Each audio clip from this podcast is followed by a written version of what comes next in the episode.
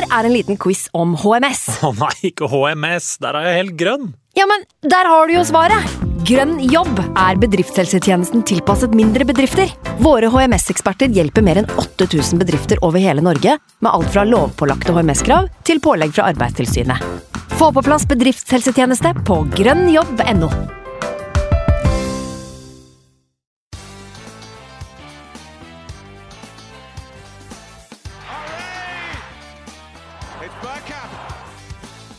for grabs now!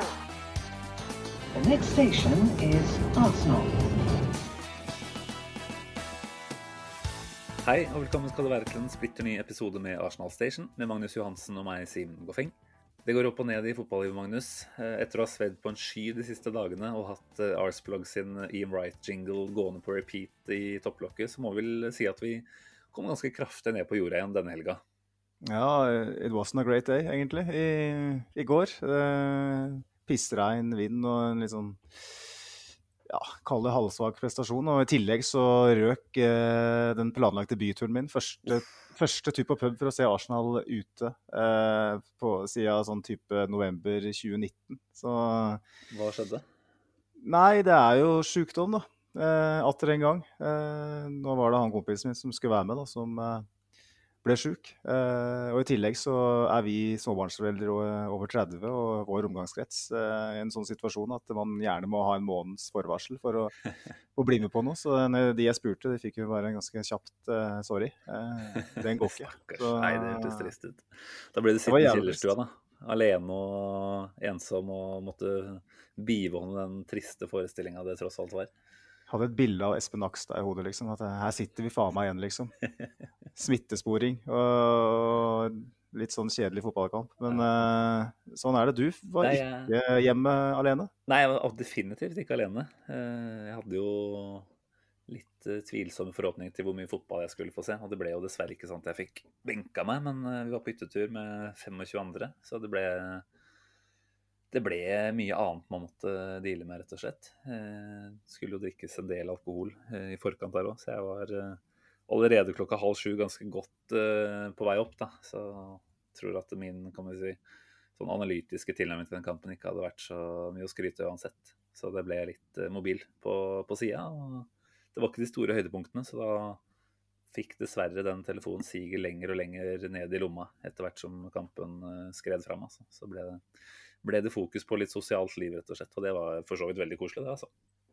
Men det som ikke er så koselig, er at du da måtte se matchen i reprise i dag. Eh, altså det er, det er, altså jeg tenker at den podkasten her det, og det prosjektet her, det er jo noe vi gjør eh, for gøy. Eh, men når man må sette seg ned dagen etter og se reprise av en 1-1-match mot Brighton, hvor man blir Altså, dominert stort ja. sett, det Nei, er, var- ikke, det er jobb. Det var en dagen derpå på mange måter, det her, altså. Jeg har hatt en eh, Jeg holdt det gående til langt utpå natta. og God kombinasjon av diverse alkoholformer som eh, ble fortært. Så den hjemturen i dag, den var litt hard. Så det å komme hjem da og skulle legge seg nedpå og se den kampen i reprise, det var ikke det, det mest morsomme jeg har gjort. Men nå, nå sitter jeg og forklarer klar her til å prate fornuftig med deg i en times tid, da. Så hva gjør man ikke for, eh, for lytterne? Og litt, litt for seg selv òg, må jeg si. Ja, Eh, det er greit å få det her ut av systemet òg, at man kan starte landslagspausa med, med blanke ark. Eh, vi skal jo gjennom litt av hvert i dag, eh, Simen. Vi har jo selvfølgelig Brighton-matchen og analysen rundt den, pluss en X-spiller som jeg har skrevet. Men før den tid så har vi vel litt Litt vi skal gjennom når det gjelder det samarbeidet vi har startet Ja. med Arsenal Norway. Vi må jo få lov til å påminne om det, da. Det fikk jo komme fram som en overraskelse i forrige pod, eh, som for så vidt passa veldig bra. Det var egentlig sånn sett i ettertid greit at den katta ble sluppet ut av sekken etter Tottenham-seier, altså seier mot Tottenham, og ikke etter den Brighton-oppvisninga her. Men eh, jo da, vi er jo fortsatt eh, i samarbeid, vi, med Arsenal Norway, og det er vi jo veldig glad for. Eh, nå har vi jo hatt eh, litt eksponering på deres uh, sider også, gunners.no, som er hjemmesiden til uh, den norske supporterklubben. Det er, uh, er kult å være synlig. Det er jo veldig gøy å, å være en del av den familien på den måten også, må jeg si. Som har vært medlem i, i mange år. Enda, enda flere år er det jo for deg. Så dette er jo et samarbeid vi, vi setter stor pris på og kommer til å forhåpentligvis nyte godt av framover. Ja, det både tror jeg og håper jeg. Så før vi går videre, så er vel da spørsmålet til de som lytter at eh, ja, er du medlem i Arsenal Norway? For det, hvis du ikke er det, så anbefaler vi veldig sterkt å bli det. Eh, det koster vel knapt mer enn en, eh, en middag ute. Eh, mindre, vil jeg si. I hvert fall hvis man skal ha noen drikkeenheter i tillegg, som du kanskje var borte i går, Simen. Uh, 250 kroner i året. Da får du tilgang på søke på billetter til samtlige hjemmekamper. Du får hyggelige priser på supportereffekter. Så får du ikke minst seks utgaver av The Gunners Post, supporterbladet deres. som er tettpakka med Arsenal-stoff, ført i pennen av det jeg vil si er ekte ildsjeler. I tillegg så blir du en del av en stor norsk Arsenal-familie, uh, og det syns jeg er kreven på kaka. Vi har jo sjøl deltatt Simon, i en del arrangement i regi av supporterklubben. Både i London og, og her hjemme, så jeg syns jo det er en helt nydelig arena til å bli kjent med, med Arsenal-folk i Norge. Jeg har selv kontakt med flere som jeg har, møtt på, på, sånne arrangement, og ikke minst vært med å dele noen store Arsenal-øyeblikk mm. uh, med de sånne folka. Så 250 kroner, det, det, kan knapt anvendes bedre. og eh, Det er veldig enkelt òg. Bare gå inn på gunners.no og klikke deg inn på den fanen der det står 'bli medlem'. Der finnes jo vi òg på samme side, så eh, for de som ikke har gjort det, kjør på. Vi kan jo til og med, vet ikke, kanskje til og med legge ut en liten lenke i uh, description på poden her. Sånn at man har en, en kjapp uh, vei inn dit hvis man, hvis man skulle ønske det. Jeg tipper jo at det er mange av dere som lytter som er eh, medlem allerede òg, og det er jo bare å fortsette med det. Eh, men til de som da eventuelt ikke er det, eller lurer på om de, de skal bli det, så, så, er det som sagt mange gode fordeler der. Altså. Så det, det, er, det, føles også litt godt å ha det medlemskortet med, med sitt medlemsnummer, det må jeg si. Det er inngangsbilletten til mye, mye moro framover, forhåpentligvis. Håper at det blir uh, ålreite muligheter for litt felles arrangementer eh, både i Norge og også når det blir fellesturer og sånt igjen. Så er det vel også sånn at eh, det går et nytt blad i trykken i disse dager. Så det er vel ikke lenge til det ligger et TGP i eh, postkasser rundt om i landet. Og da tenker jeg at en, en kjapp innmelding i disse dager, så har du, har du, det bladet i posten om ikke så lenge. Mm. Yes. Men vi får ja. snakke litt fotball òg, om eh, det som har skjedd i helga. Er det Går det bra med deg? Det høres ut som du svelga veldig. jeg, jeg drikker vann i kveld. ok, Jeg tenkte kanskje du var eh, moden for et besøk på lille kontoret. Nei, eh, absolutt ikke. Nei. Dette går fint. Vi må snakke litt om, om Brighton. Det var jo en vi må kunne kalle det et tungt fravær. Altså, vi, vi levna ikke det så mye, eller kanskje ikke noen plass, i forrige episode etter Tottenham-kampen. Eh, Sjaka eh, sin skade, som jo ble bekrefta tidligere i uka at var eh, så lenge som tre måneder, faktisk. Eh, de håper jo at han klarer seg uten operasjon, eh, men han er da ute til januar. Når da for så vidt eh, Partei stikker til Afrikamesterskapet. Så den duoen der, den får vi ikke se på lenge. Og hvor eh, skal vi si, bekymra var du før kampen for Sjaka sitt fravær? Det er jo en mann vi vet at har en viktig eh, nøkkel til måten Arteta skal spille på. Eh, så kan man selvfølgelig mene mye om hvordan man skal klare å jobbe seg videre fra den Sjaka-avhengigheten.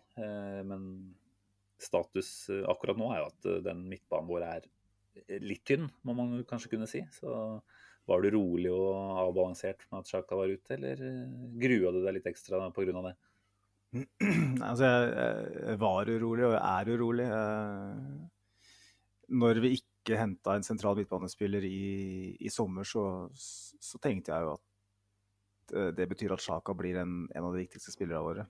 Mye fordi at Thomas Partey så langt ikke har vært skadefri lenge nok mm. til å, å, virkelig sette sitt preg på laget. Eh, og for det andre så, så, har han egenskaper som ingen andre midtbanespillere har. Og de midtbanespillere blir linka til òg, sånn som Ruben Neves og Bruno Gimares er jo spillere som er, har, har, mange touch dypt i banen, som på mange måter styrer eh, midtbanen fra dypet. Eh, og en sånn spiller har vi egentlig ikke. Eh, Lokonga har kanskje ferdighetene til det på sikt. Men uh, her og nå så er det en 21-åring uten særlig erfaring på nivået her. Og i går så ble det allerede i går for å si, så ble det veldig veldig synlig da, at Sjaka ikke er her. Og når vi tenker at det er tre måneder, så, så er det bekymringsverdig. Og da tenker jeg jo over til you, da, Hvordan skal jeg løse det her?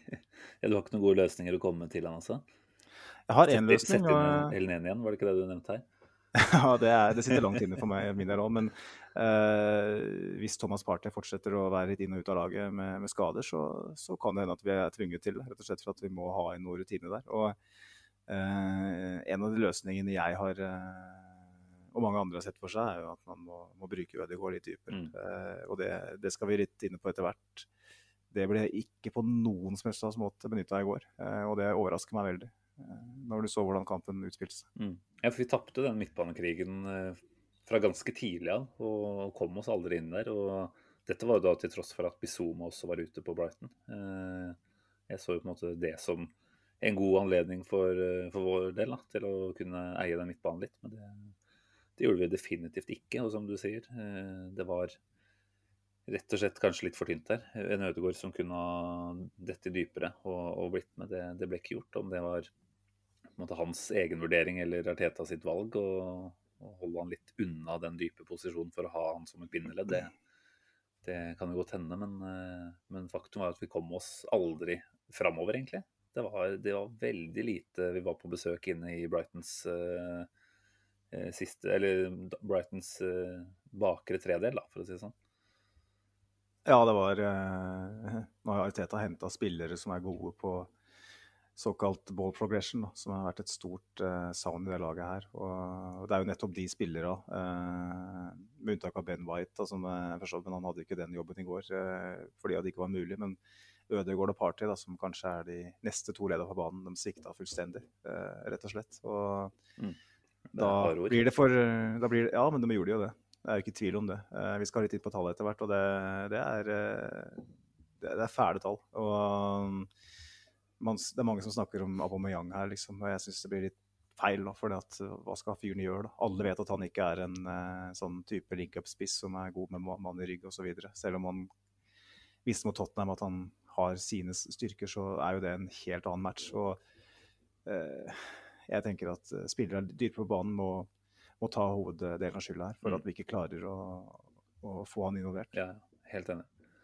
Altså, jeg tenker jo, Bare for å si hva jeg tenker om Sjaka sitt fravær. Det er jo ikke noe tvil om at det savnet, det, det var der. Uh, større enn jeg hadde trodd, det må jeg bare si. Jeg hadde, og jeg har et håp om at man nå får brukt de neste ukene på å finne en god løsning som gjør at det savnet blir litt mindre uh, de neste, neste månedene. Uh, jeg tror på mange måter at vi også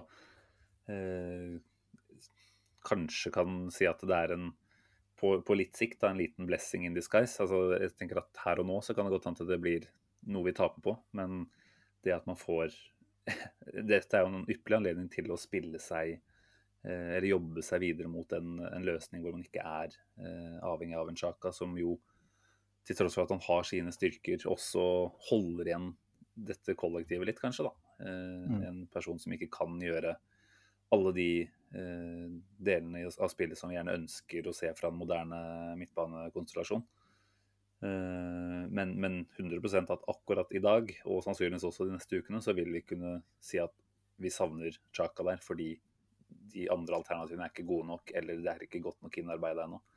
Men eh, det er klart, når du da får det i en periode hvor man har hatt trøbbel med resultater og trøbbel med å sette spillet sitt, så er jo ikke det noe drømmeposisjon på noen som helst måte. Men det blir veldig interessant å se hvordan, en, eh, hvordan Arteta løser dette her. Om det blir en sånn her eh, tinkering som det blei eh, da, da, man hadde Tini ut og satte Sjaka ned på venstre bekk. Altså, mm. Det var vel det var ikke noe jeg på en måte observerte så mye selv, men dette at Lokonga skulle ned og ta den Chaka-jobben som venstre bekk når Tini er lenger opp, det var det vel i hvert fall noen som hadde ment at ikke passa han like godt som Sjaka. Og da er det noe med å finne eh, løsninger som gjør at eh, man utnytter eh, styrkene til de spillerne som er på banen. Ikke at man skal hente inn en sånn ja, Kall det en sånn billig variant av, av det Sjaka ville prestert. da.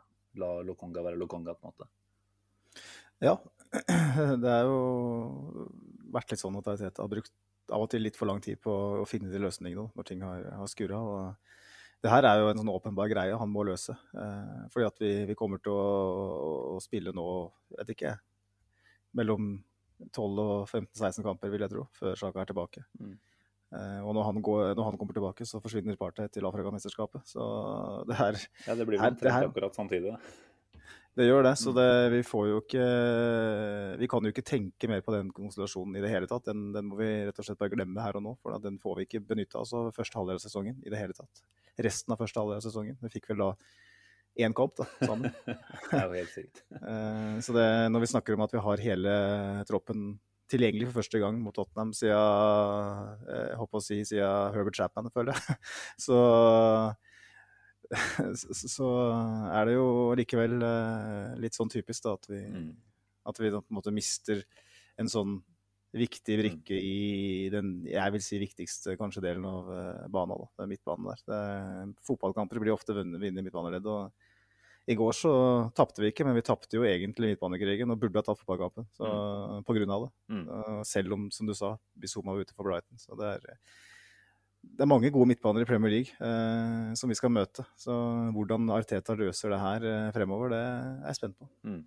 Så må det jo sies at altså, du var inne på Party. Altså, vi kan jo selvfølgelig si at uh, måten han ble brukt på, kanskje ikke var så og så uh, perfekt som det kunne vært, og at han i mangel på Chaka som sin makker også ble litt dårligere av det. Da. Men, men han isolert sett hadde jo en forferdelig kveld på jobben. det var, eh, det var ikke en afrikansk gaselle utpå der. Altså, det så ut som han uh, hata livet lite grann utpå en uh, skikkelig bløt uh, Premier League-matte.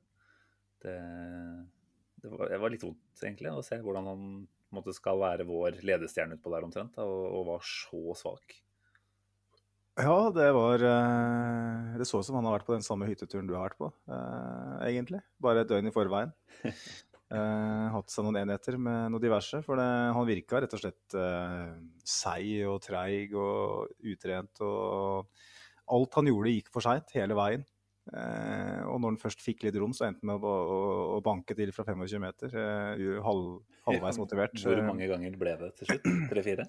Tre-fire skudd, ja. To av dem var jo helt gale, Mathias. Så jeg vekka jo dattera mi her nesten. Jeg satt i kjellerstua der og skrek. Jeg tok den Wenger-versjon av den uh, gangen han løp ut på, nesten løp på banen når Sjaka gjorde det. En europaligamatch eller hva det var.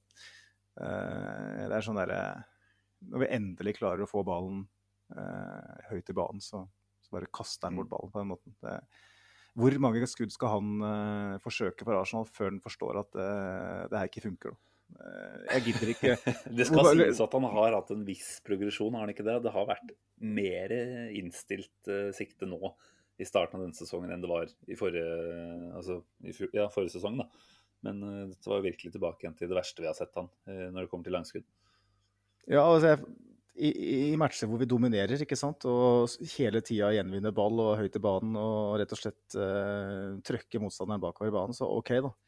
For da koster ikke det så mye å gi bort ballen et par ganger på den måten. Mm. Men når du strever så sinnssykt med å få ballen høyt i banen som det vi gjorde i går, da bør du være litt kjøligere, altså. Og, og, prøve å holde litt i kula, prøve å skape et trykk, prøve å få løfta laget frem i banen. ikke sant? Eh, men det nei, det syns jeg var useriøst. da. Eh, nesten overraska at ikke Arteta bare tok den av banen slutt. for at det vi har noen tall, har noen tall som viser at han bare var, han var ute av det i går. Han, han vinner to av var det, to av tolv dueller, mm. var det Oppdal skrev. To av tolv, altså. Uh, uten Bizuma på motsatt banehalvdel. Han har 79 uh, i pasningskvalitet. Han, har, han blir dribla forbi fire ganger, og det er klart flest av alle på banen. Altså, han virka rett og slett dårlig trent. Og ja, det, det, er klart, det her handler jo om at, at hele kollektivet til Brighton funka som faen, mm. mens vårt ikke funka. Og da Eh, ble kanskje Hartei, som har vært mye med ut av laget, litt sånn usikker på, eh, på hvilken rolle han skulle spille, kanskje. Jeg vet ikke, men han virka bare usikker på alt han foretok seg i går. Og hvis han skal være lederen på midtbanen, så, så, så er i hvert fall det her det absolutte båndpunktet, håper jeg. For det, det, det, her kan, ikke, kan ikke gjenta seg noe særlig. For det var dårlig. altså. Nei, da, Vi vet jo at vi skal forvente mer av den enn dette her. Eh, Men jeg tror det du er inne på her, med at vi, vi møter også et ekstremt godt drilla lag. Det Graham Potter har fått til med det Brighton-laget her de siste to-tre åra, det er eh, veldig imponerende. Og Mm. den, de er så drilla eh, som en enhet at de Altså, Jeg vet ikke hvordan det er med lag man møter med press i Premier League, men jeg kan ikke si at det er Det kan ikke være mange flere enn Liverpool og City som er eh, bedre enn Brighton på dette, tror jeg. Det er, Nei, det, det kan det ikke være. Eh, Vanvittig nivå, sterkt. det de driver med. Så um, det er liksom viktig å ha med den, den faktoren i beregning her, og at vi tross alt er på bortebane mot et knakende bra fotballag. Ok, de mangla en viktig spiller, men har fortsatt mye godt gående. Han, kameraten vår, Neil Mopé, er vel en av de spissene i Premier League som, eh, som har flest pressekvenser i, av alle spissene i ligaen. Så det er klart, de gjør det ikke lett for oss. Og hele, hele den klubbens innstilling til den kampen her virka jo være litt sånn som de ønska å force et litt sånn ja, hatsk eh, fiendeoppgjør, da. Eh, Så det er klart, hvis du tenker at vi kom inn til Tottenham-kampen med skikkelig intensitet og innstilling, så følte du kanskje at Brighton hadde litt den samme innstillinga til den kampen her. Eh, om enn ikke fra de aller første minuttene, for jeg syns vi var, vi var uh, fine helt, helt i starten. Men så døde det kjapt ut. Um, men vi må på en måte anerkjenne at det Brighton-laget er ikke Det er ikke bare å reise ned dit og, og hente med seg tre poeng, da. Så, så ikke at vi skal ta oppsummeringa ennå, men ett poeng totalt sett, det er, det er greit, det, altså. Det er jo heller prestasjonen, selvfølgelig, som, som igjen er litt uh, skremmende. Ja, det er jo det det handler om her, egentlig. Uh, vi visste jo at det her kommer til å bli tøft. Og... Men uh, Arteta har vel ikke hatt noe mindre tid kanskje enn Graham Potter. Og Nei, Potter var... med, med, uten sin viktigste midtbanespiller klarer å uh, få laget til å se ut som et virkelig lag, mens uh, Arteta mister eh, Må vel kunne si den viktigste midtbanespilleren sin nå, fordi at Party har jo ikke vært, vært så mye på banen. Og, og rett og slett blir dominert og overkjørt. Eh, og det er klart, det er mange, mange gode argumenter du kommer med her, men samtidig så Vi er tross alt Arsenal fortsatt, selv om vi har gjort mange eh, utskiftninger av mange unge spillere osv. Så, videre, så forventer du jo at man er mer kompetitiv da enn man var i går eh, mot et Brighton. Mm. Uavhengig av vær og føreforhold og, og manager og drilling osv. Så, videre. så Altså, når de, når de ut- Det blir litt sånn off topic her, men det der eh, posten de la ut her noen dager før kampen med Mopé som har det der eh, grinefjes-greiene med henvisning til, eh, til den kampen hvor Leno ble skada, regner jeg med.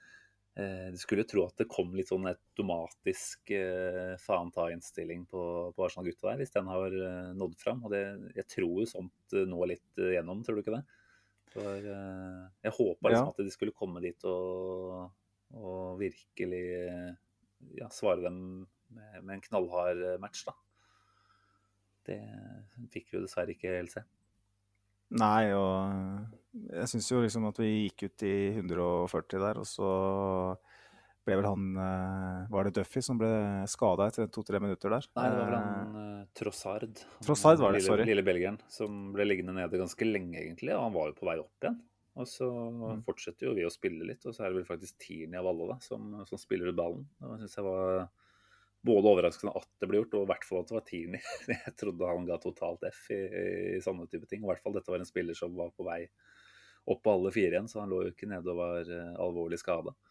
Så ja, jeg var litt skuffa over den, at den ikke bare ble kjørt videre på. Ja, og eh, det er jo fotball er en, en, eh, en idrett der hvor øyeblikk av både stor og liten betydning ofte får en større betydning lenger ut i matchen. og da hadde jo Saka allerede tatt med seg Burn på løpetur der, og som en sånn åpenbart svakt punkt for, eh, for, Burnley, nei, for Brighton. Eh, eh, og, og vi endte med en, et litt sånn halvveis eh, skudd som eh, var greit for Sanchez å redde. og hvis man da kanskje ikke hadde fått den situasjonen med, med Trossard, så kanskje vi kunne ha fortsatt noen minutter til, og hvem vet, ikke sant. Så Mm, det er veldig mm. sånn Det er, det er små marginer, da. Sant. Og så et, etter det så tar Burn bla, bla, klarer ham Burn hele tida. Det er sikkert fordi at det regna. Det yter en ikke Eh, rettferdighet, men ja, det er sikkert noe med været å gjøre. Sa at det handler om Dan Burn. Da. Han uh, ser ut som en Burner-spiller. Men uh, jeg føler, jeg kalte jo han uh, Sheffield United-spilleren i fjor da når vi hadde podkast, han uh, Ollie McBurney. Kalte jeg for Ollie McBurnley. Så det, Du er oppheng på Burnley uansett. jeg, jeg, tror, jeg tror det. Uh, hese stemma til Sean Dyche har, har tatt meg. Men jeg føler at etter det så tar Brighton over, og etter det så er ikke vi i nærheten heller. Mm. Så det er sånn 87 minutter da, hvor vi rett og slett bare blir bortimot trilla ball i, ball i hatten med. Så det var en slitsom eh, kveld på jobb, eh, rett og slett. Mm. Ja da, og da må vi jo på en måte komme oss tilbake igjen til den, eh, den bakre femmeren. da. Vi, vi kommer jo ikke utenom å snakke mye om de i dag, for det er, vi kan være ganske kritiske til det som skjer fra midtbanen opp. Så, så må vi jo si at det den bakre fireren presterer her, og særlig stoppeparet da, med Ramsdale bak seg, det, det er jo nok en gang noe å være veldig oppløfta av, er det ikke det? Å se at dette nå for tredje Det er tredje kamp av de fire siste holder til en eh, smultring, og at man har tålelig god kontroll, og at i hvert fall er den der never say die-innstillinga de, de kommer med, den skikkelig forsvarsspilleren som nekter å, å slippe inn vold, den, eh, den ble jeg bare mer og mer glad i av å, å, å bli kjent med nå. Så det på en måte får være noe å, å, ta med seg, da, selv om vi ofte ikke liker å hylle forsvarsspill. Eh, så, så, må vi jo bare akseptere at eh, på en, en, dårlig dag så er det kanskje det som hindrer oss fra å tape, rett og slett. Da. At eh, det er en sånn oppofring eh, og en vilje til å kaste seg inn og, gi alt det. Gabriel mista vel tanna si mot Brighton for andre gang, gjorde han ikke det? Så det er jo helt ufattelig at han klarer det. Men eh, jeg så han hadde vært hos tannlegen og fått på plass igjen. Eh, men at den gjengen bak der redder oss og gjør at vi sitter igjen med altså, Man sitter jo gjerne etter hver kamp og tenker at hva er det vi kan bygge videre på til neste kamp fra dette her, da. Og det var jo ikke så mye offensivt, men det, det forsvarsspillet vårt er noe å ta med seg framover her også, da. Og det er så godt å se at ikke det også ble borte på en tøff kveld som det her var. Altså, vi, jeg, jeg syns jo du er uh, spot on, uh, med unntak av at den bakre femmeren kan nesten kalles den bakre treeren i, i går. fordi at Både Tomiyasu og Tinia har ganske svake dager på jobben. Han, uh, Kukureya han, han, lekte jo med stakkars Tomiyasu, som, som, hadde sin hva skal jeg si, sin virkelig ilddåp på et sett og vis i går. I møte med Premier League for alvor, etter å ha hatt tre kjempegode prestasjoner etter uh, ankomsten. Så ble, jo, jo rett og slett rundspilt av Kukureya vet ikke om det er riktig uttale, det hørtes litt rart ut. Uh, han, han, han, kuken på venstresida uh, med langt hår. Han, uh, han, kjørte jo hardt, rett og slett, med, med Tomiyasu. Og, og, kom bare ikke opp inn, rett og slett. Og han tapte til og med hodedueller mot den. Han vant bare én av fire hodedueller i går, Tomiyasu. Som er, etter å ha vunnet var det 13 av 15 mm. før, før, den matchen der. Og han tapte jo to mot han vesle vingbekken der. men det handla jo om at han er for sent inne i situasjonen. ikke sant? For at han, ja, vi, blir, vi blir spilt lave, og Tommy Tomiyasu prøver å, å, komme tidlig oppi. Men uh, når først ballen blir kommet inn i feltet, da, som vi gjorde utallige ganger, så er jo Ben White og Gabriel fantastisk bra. Mm. Uh, bak en Ramsdale som styrer uh, troppene der. Jeg syns jo Gabriel spesielt, da, som da sikkert har råd til et tannlegeregning også, men som mister et tann der. han, er, han er en koloss, altså. Eh, er så imponert over han og så måten han har kommet tilbake i laget på. Eh, etter at han hadde en litt sånn skal jeg si ja. Eh, etter den gode perioden i fjor så kommer han liksom aldri helt til hektene igjen etter den covid-diagnosen mm. osv. Men nå, de kampene han har spilt nå, han har vært så god, altså. Og du ser han han er ikke en så stor, sterk type som vinner dueller, Han er smart, altså. Og posisjonerer seg riktig. Og hver gang den ballen kommer inn i feltet, så, så er enten han eller Ben White der. Mm før Brighton-spilleren. og Det er ikke tilfeldig. Han virker allerede å utvikle et ganske godt, uh, godt samarbeid. Så det, uh, hvis det blir en sesong igjen hvor vi sliter offensivt, og det etter sju kamper, så er det mye som tyder på det. og da må jeg jo si at uh, redningen må jo være at vi er i ferd med å, å, å få et stoppepar uh, og en keeper bak der som virkelig tar steg for steg. Ja, det er et uh, veldig godt poeng. og nå ser jeg Ramsdale skal ut med landslaget denne gangen, da, så de får jo ikke fortsatt å terpe på alt uh, på treningsfeltet de neste 10-12 dagene. Men uh, både White og, og, Gabriel er vel igjen på London Colony nå. Uh, og kan forhåpentligvis bli enda bedre kjent. For det, jeg må jo bare si at det er ikke mye tid de har hatt sammen. Og nå begynner de allerede å se ut som de har, har spilt sammen en sesong eller to. Altså. Så den, eh, den, kurven og utviklinga de har hatt eh, nå så tidlig, den tar jeg meg hatten for. Og det, det er jo viktig at vi da gir Arteta kudos for det, tenker jeg, når vi er litt kritiske til det han får de offensive spillerne til å prestere ofte. Da. Så, så er det jo han som har sørga for at disse har funnet en måte å kommunisere på bak der som, som gjør at de, de, spiller hverandre så gode som de gjør. Mm.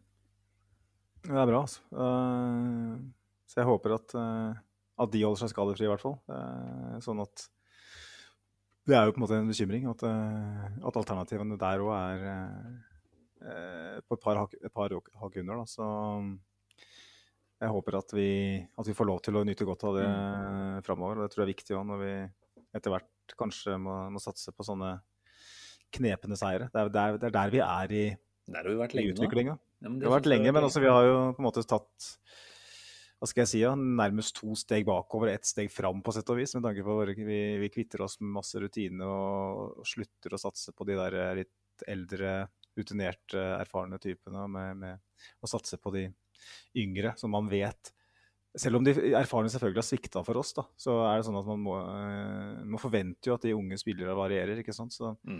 føler at vi har tatt, bevisst tatt et par steg bakover på mm. mange vis. Og, og da, da, vil det bli litt sånn. da, og Da, da blir det mange, mange, dager på jobben som ikke er like bra. og da, da er det i hvert fall avhengig av at den stammen bak der eh, fortsetter å prestere. Mm. For det, hvis det, Du så mot Brentford, da. Eh, da var det jo en lite optimal uh, oppladning til kampen. Det, det, er viktig å ta med seg her. Men det er fortsatt et lag som Arsenal, selv med den, den elveren der, skal kunne konkurrere med.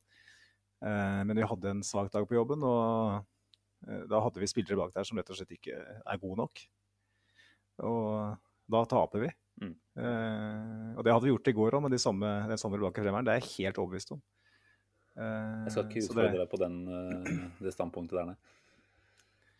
Men du nevner jo dette med at vi er jo et ungt lag, og det viser vi jo igjen at vi er. Og det vil det komme variasjoner. Men jeg bare tror dette med at vi er såpass unge, uh, har litt å si, og vil kunne ha litt å si på hvordan vi presterer på bortebane kontra hjemmebane uh, de neste ja, månedene, egentlig. da. Hvor man uh, vel kanskje kan anta at et yngre lag vil i litt større grad kunne la seg stresse og affisere mer av en uh, litt fiendtlig atmosfære på bortebane kontra å ha supporter i ryggen. Uh, at vi er et sånn lag hvor det, det trengs litt godfølelse da, for å få, få, den fotballen som vi så mot Tottenham, til å, til å gjenta seg. Så jeg, jeg, mistenker at vi kan få en liten sånn uh, aha-opplevelse på at oi, det er faktisk ganske stor forskjell på hjemme- og bortebane. Nå har vi jo supporterne tilbake igjen forhåpentligvis for å bli. Og at et så ungt lag som vi har nå, kanskje i litt større grad eh, vil kunne slite på bortebane. Det er i hvert fall jeg litt forberedt på, da. Eh, nå har vi jo Hva er det vi har, da? Én seier og ett Hva er det vi har på bortebane? Av en seier? Vi vant jo bort mot Burnley. Det gjorde vi selvfølgelig. Eh, så vi tapte mot City City selvfølgelig, og Brentford. Og Brentford, og uavgjorten her, ja. ja. Ja da, så Det er ikke noe, er ikke noe krisetall, men jeg bare liksom innstilt meg på at det kan bli en sesong hvor det kommer ganske til syne det her med å slite litt ekstra på bortebane fordi man er en ung gjeng nå. da. Mm. Om det er noe man bør tenke over og bekymre seg for, eller om det, det bare er oppi huet mitt. Jo, det tror jeg du har et kjempepoeng i. Sånn, på et generelt grunnlag også så kommer bortekampen til å bli tøffere, som du er inne på. Og I fjor så redda vi jo sesongen. Jeg vet ikke hva vi sier redda sesongen, for sesongen var jo egentlig Det var ikke mye redde, nei. Det var ikke, men det redda jo sesongen for å bli mye verre enn den mm. var.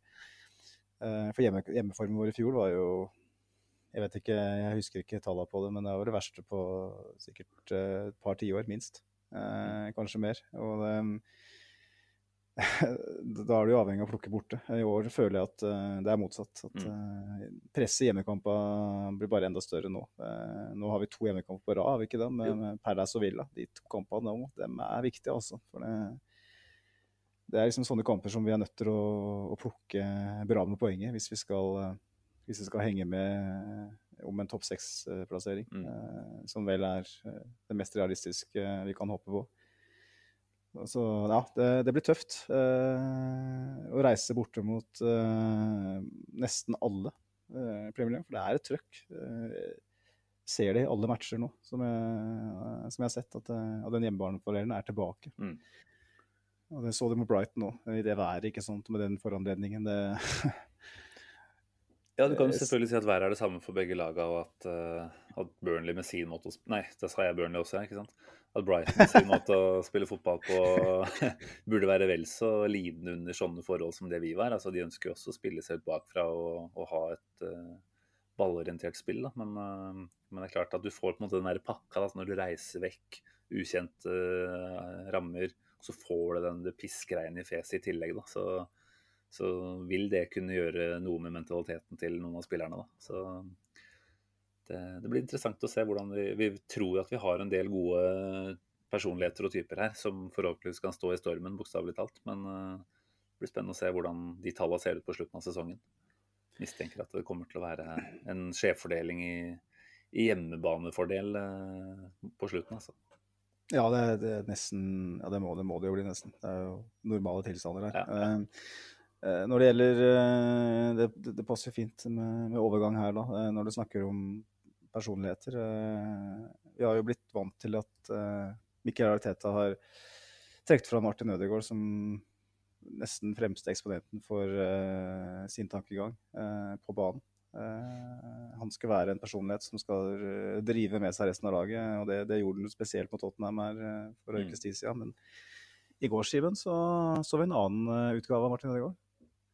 Ja, kan ikke du fortelle meg hvilken utgave du syns vi så? Han, eh, jeg så han ikke så mye, så det var kanskje det du sikta til? At han var uh, ganske usynlig? Ja, det, jeg sier ikke at han uh, gjemte seg eller ikke hadde samme holdning til, til match. Det, det, tror jeg ikke heller, men bare Det funka rett og slett ikke. Han lå da litt høyt i banen, som heatmappen for så vidt, eller varmekartet, viser. Han ligger og som antall touch òg på, på, egen halvdel viser. Han har ni touch på egen halvdel eh, i går. Eh, det er jo skrekkelig lite, egentlig, med tanke på hvor dypt vi lå og ble pressa. Eh, det var en Sambi Lokonga som eh, er veldig uprøvd på det nivået her, som eh, i stor grad i første gang spesielt ender opp med å løpe og dekke over for Thomas Party sin, uh, hodeløse, sitt hodeløse spill. Og da har han veldig mye ute av posisjon, som gjør at Kieran Tierney har en fryktelig svak dag på jobben. Har en pasningsprosent på 54. Som er dårligere Det er ikke da uh, eh, Ultra. Jeg føler at tiden uh, har vært der et par kamper denne sesongen allerede, har han ikke da? Det har vært et par sånne runder med ganske eh, begredelig tall på den. Det kan jo stemme. Men det her er nok absolutt bunnotering. men det, det, her er jo litt med at Jeg føler at Vi er inne på Martin Ødegaard der. Jeg føler at det var ganske logisk eh, å, å, flytte han litt dypere mm. eh, i går. For han er en som er eh, veldig trygg med ball.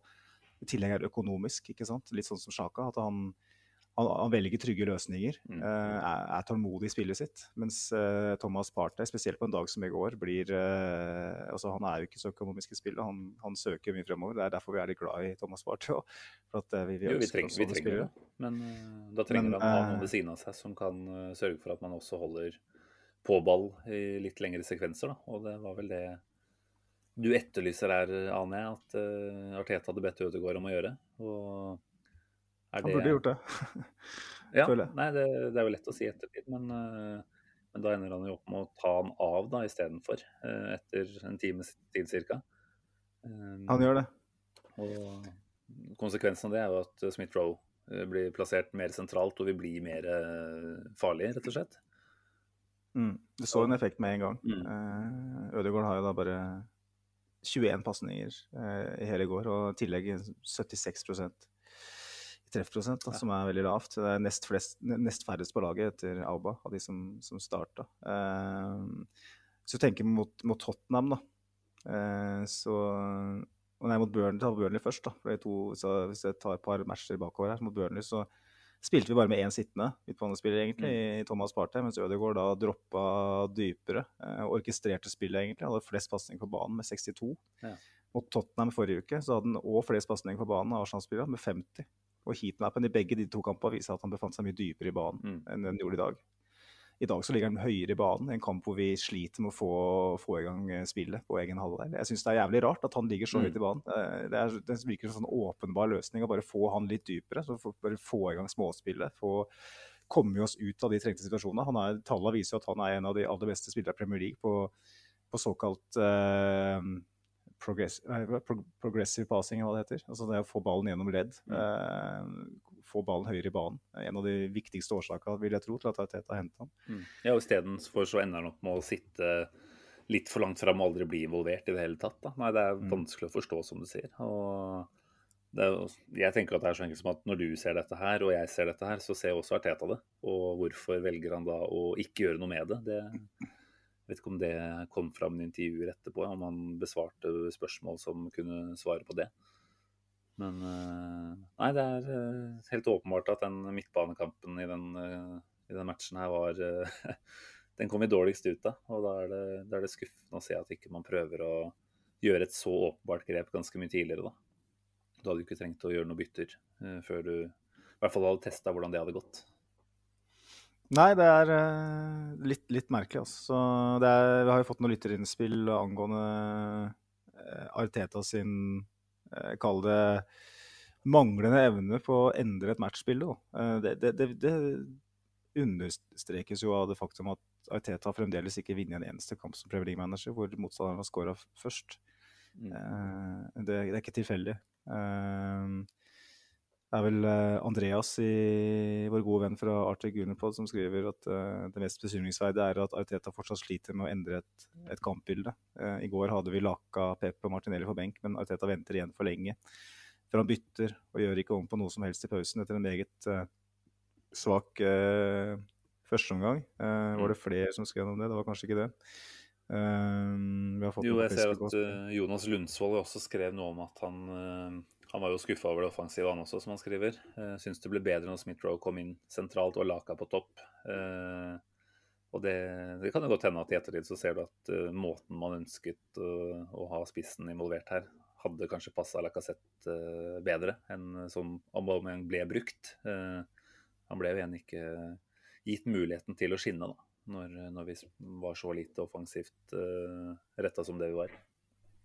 Nei, og det, det, er jo, det er jo bytter som etterlyses her, selvfølgelig. Da. Jeg, jeg er kanskje ikke så fokusert på de byttene. Jeg føler at Arteta kanskje altså, Nå er jo han eh, og veldig mange andre mye bedre kvalifisert til å ta de valgene, men i etterpåklokskapens tegn, som vi er gode på, så, så, så tenker jeg jo at jeg forstår jo at han ikke gjør endringer, fordi spillere han har på benken er langt mindre altså Offensiv spesielt, er langt mindre økonomisk, kanskje. Eh, altså PP er jo en spiller som eh, ofte søler bort eh, tre av fire gode eh, sjanser. Han kommer til mye sjanser, selvfølgelig, da, men i går så ser jeg ikke for meg at det hadde vært tilfellet uansett. Eh, eh, jeg forstår at Ariteta er tålmodig, men det jeg ikke forstår, er at han ikke da, som jeg nevnte, gjør noe med, med de spillerne som er på banen. At han ikke da flytter Ødegaard Mm. dypere, da, sånn at man får litt mer kontroll på matchen. Eh, så, så er jeg enig i at eh, ja, med det Andreas sier, at eh, han- igjen så, så evner han ikke å endre, endre matchspillet. Nei, og det har vi sett uh, gjenta seg en del ganger etter hvert nå. Så i den grad man skal begynne å på en måte kunne peke på Arteta sine svakheter, så er jo dette en av de. Det å, å slite med å Altså in game management. Da. Jeg syns jo Potter er en eh, Han virker som en ekstremt eh, god trener, og klarer også å håndtere kampbildet underveis eh, bedre enn det Arteta får til i, i går, da, syns jeg. Så Mm. og det, og igjen, vi får kanskje sette på, på rett og slett Kappa at han har, han har litt lite erfaring i, i sekken fortsatt. Han får får litt goodwill på det. Men vi håper at det kommer en utvikling som gjør at man også ser rett og slett eh, evnen til å snu et resultat eh, fra, fra pause til etterpause eh, dukker opp. Det. For det er jo, det er jo helt uforståelig nesten at det fortsatt ikke har skjedd. Altså, det å ligge under til pause og ikke ha snudd en eneste kamp, det, det, det Selvfølgelig, du gjør ikke det så ofte, men å ikke ha gjort det en eneste gang, det er ganske spektakulært, egentlig. Det, er- det er det definitivt. Eh, Så det er jo igjen en sånn derre greie man ønsker å sette på kontoen for manglende erfaring. Da. Men eh, det begynner å gå såpass mye tid nå at eh, det, er, det er en ting han, han er nødt til å utvikle. ikke sant? For at, uh, i Premier League så, så vil man oppleve å slippe inn først ganske ofte, uansett hvem du er. Uh, og det er jo evnen til å respondere, altså såkalt bounce back ability, som vi kalte det under Wengers eh, tid, som er, som er, er viktig. Uh, vi ser jo, jo for alt vi for alt vi tar Solskjær for her i verden, så er jo det en av de tingene han får til. Mm. Eh, vet ikke hvor mange ganger United har kommet tilbake eh, etter å ha ligget under de siste par åra. Det, det er mange. Det, det er noe som jeg tenker eh, Hvis Solskjær klarer det, så, så bør Arteta klare det òg. Jeg tror han kan få til det etter hvert, altså, men jeg vet ikke helt hvorfor. Man ser jo at han ikke tar grep, men det samme kan du jo si om Solskjær òg, ikke sant. Så Ja, Jeg vet ikke, det er litt merkelig. Vi har jo stadig vekk snakka om at Arteta er en eh, tilsynelatende ganske sta fotballtrener som har sin eh, klare plan. Og hvis ikke den går, så skal han gjerne prøve litt til for at uh, det er hans plan som skal uh, gjennomføres uansett. Mm. Og det er klart at uh, det er jo en balanse der òg. At du, du går inn i kampforberedelser med en klar plan og informerer laget om at sånn her skal vi spille. Og det er klart, om du går tilbake på det bare om en kort stund ut i kampen, så, så kan det selvfølgelig også hende at noen spillere tenker at hva, hva er dette for noe? Har du forberedt og så det, eller at ikke du var forberedt på at dette her eh, kommer til å bli kampbildet, så, så kan man jo begynne å få tvilstilfeller der også, da. Jeg vet ikke helt, men eh, jeg håper jo at han eh, når han, nå, så det så åpenbart ut i går, da, eller på lørdag, eh, at dette her ikke holdt. Og jeg tenker at vi flakser oss jo strengt tatt til en seier her til slutt. Så og sitter vi igjen med null poeng etter en sånn forestilling og på en måte har sett at den kampen her bare får lov til å dra fra oss uten at vi tilsynelatende gjør et ordentlig forsøk på å snu det, så, så kan man jo virkelig være kritisk til Arteta. Så han, eh, han eh, har jo noen marginer også til sin fordel her. At han ikke eh, blir tatt enda litt hardere. definitivt. Jeg syns vi bare skal, eh, siden vi driver og etterspør og får litt kommentarer og sånn fra, fra lytterne våre, så må vi jo ta med de som kommer inn, tenker jeg. Selv om ikke det nødvendigvis var noe åpenbare spørsmål der, så syns jeg likevel det er fair å få med noen reaksjoner fra våre fellow Gunners. Høre hva, hva som rører seg av meninger der ute. Jeg har jo, noen, sp- har jo et par spørsmål nå. eh, Jeg som jeg kanskje det. Da kan på du eh, fått på innboks, innboksen. Eh, det er et fra mm, Fredrik eh, Heierstad på Facebook. Han spør hva tenker dere er grunnen til at Eddie og Balugun ikke får noen muligheter i Premier League. Auba ser jo sliten og gammel ut på topp der. Eh, så skriver han en sånn derre eh, latter-emoji bak, bare for å ta med det. Eh, kanskje det var litt sånn halvironisk da, eh, med det med gammel. Eh, vil ikke det å sette inn litt Fritz Fruit på topp kanskje få det offensive til å flyte bedre? Du kan jo svare på det, Simen. Altså, det er altfor tidlig å konkludere med noe, men jeg syns jo Balogun viste i de få mulighetene han har hatt nå mot Brentford og mot Han var vel også på banen mot Chelsea, var han ikke det? Nei, kanskje han ikke var det i det hele tatt. Det var kanskje bare Brentford.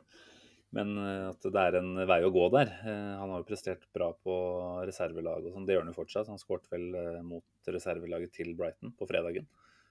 Ja, det stemmer det. Men det er så langt Altså, det spranget derfra da, til senior A-lag, det er kjempestort. Og jeg tenker at han ikke er klar, Badogen altså. Han, sånn som situasjonen ble, da, med at både Nketa ble og Lacassette ble, så tenker jeg at et utlån for Balogun helt åpenbart burde vært eh, det beste alternativet. I hvert fall når han ikke da en gang, hvis jeg ikke husker feil, han fikk vel ikke engang spille mot Wimbledon i, i tredje runde her nå. Så, um, så han tenker jeg rett og slett trenger eh, mer erfaring på et eh, litt dårligere lag i en Arsenal. Eh, Et sted hvor han kan få lov til å teste seg mot eh, voksne spillere uten at det skal koste for mye. Og det, det tror jeg. Jeg tror ikke han vil bidra nok for Arsenal, dessverre. Altså. Selv om vi kan se at det er et bra talent der, så burde nok han fått seg et eh, jeg tipper et utlån til en, en, en god klubb i championship kunne vært eh, det han trenger nå.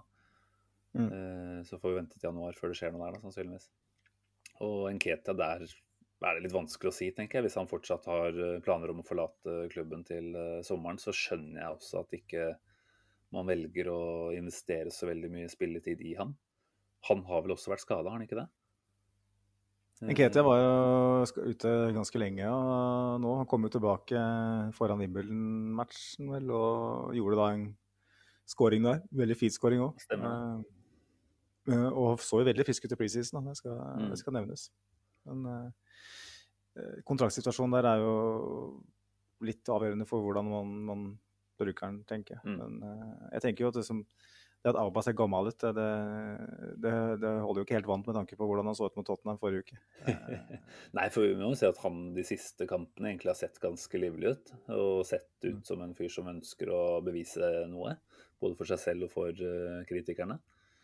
Så jeg tenker at, uh, som du var inne på tidligere nå, det er jo ikke nødvendigvis hans feil, først og fremst, at, et, uh, at den kampen mot Brighton gikk som den gjorde, og at den forløp uten de store sjansene til Aubameyang. Det var jo noe med å, å, få spilt han opp og spilt han god. Det, det klarte ikke laget, rett og slett. Så da, da tenker jeg at uh, det er ikke naturlig nok uh, noe Nketa ville gjort så mye bedre. da.